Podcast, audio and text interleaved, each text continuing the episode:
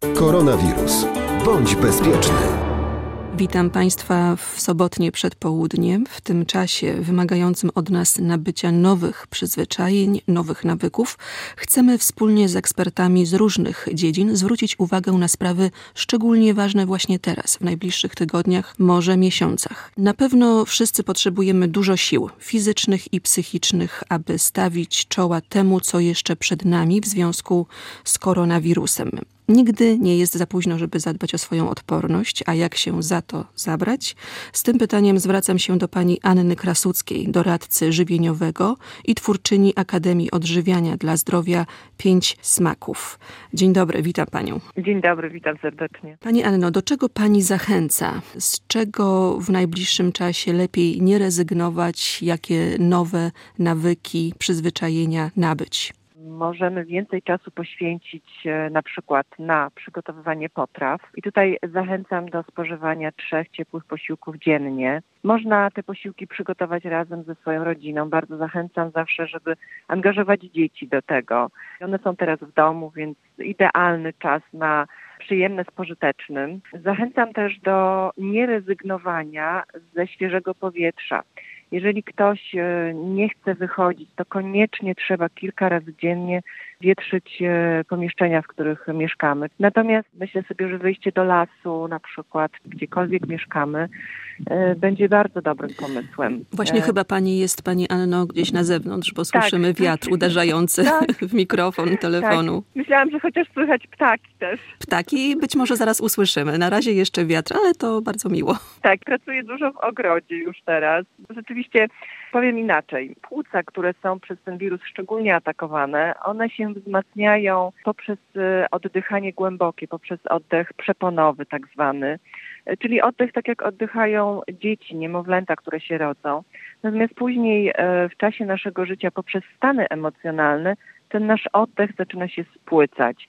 My nie oddychamy prawidłowo. Nasza postawa, czyli takie kulenie się, to też nie jest dobre dla płuc. W związku z tym jakby zachęcam do tego, żeby y, wracać do tych głębokich oddechów albo uczyć się ich na nowo, żeby wzmacniać te płuca.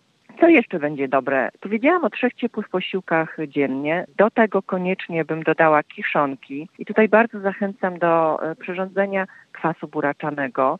Kwas buraczany świetnie zadba innymi o naszą florę bakteryjną jelit. Przepis znajdziecie Państwo na mojej stronie lub w ogóle w internecie. Dobrze jest teraz też gotować kompoty, na przykład y, kompot z gruszek, który będzie świetnie y, nawilżał płuca też może być kompot z jabłek czy z suszonych owoców. I ciepły. Koniecznie ciepłe. Tak, ciepłe napoje. Tutaj woda w ogóle będzie podstawowym napojem. Zachęcam do tego, żeby zacząć dzień od zwykłej, ciepłej wody, nawet bez cytryny. To jest tak zwany prysznic dla jelit. Ta woda spowoduje, że jelita zaczną pracować, aby y, ta odporność się budowała. Ponieważ y, takie wirusy będą się pojawiać na pewno, w kolejnych latach i e, w związku z tym jakby daje nam to większą jeszcze motywację, żebyśmy dbali o siebie, żebyśmy się tak nie obawiali. Nawet jeżeli dotknie nas e, ta choroba, to bardzo łagodnie z niej wyjdziemy. Następną rzeczą, którą bym też proponowała, to jest wczesne chodzenie spać. Proponuję, żeby chodzić spać około 21, 21.30. Pani Anno, jeżeli chodzi o higienę ciała, o tym wszyscy mówią, to wiadomo, to jest tak, tak ma, must be, must tak. be. A jeżeli chodzi o tę higienę mentalną? Dla mnie przynajmniej higiena mentalna jest coś takiego, aby nie pielęgnować w sobie takiego negatywnego nastawienia, ale też negatywnych rozmów czyli nie nakręcajmy się. Zawsze, ja to mówię, w epicentrum huraganu jest spokój. Jeżeli słyszymy jakieś informacje, y, czy to w mediach, czy czytamy w internecie, zawsze starajmy się patrzeć, że no okej, okay, rozumiem, jestem świadoma wszystkiego, co jest, natomiast tylko zachowaniem harmonii jakby w organizmie mogę dla siebie dobrze coś zrobić. Zadbać o taką uważność, uważność w relacjach i to będzie właśnie też ta higiena mentalna.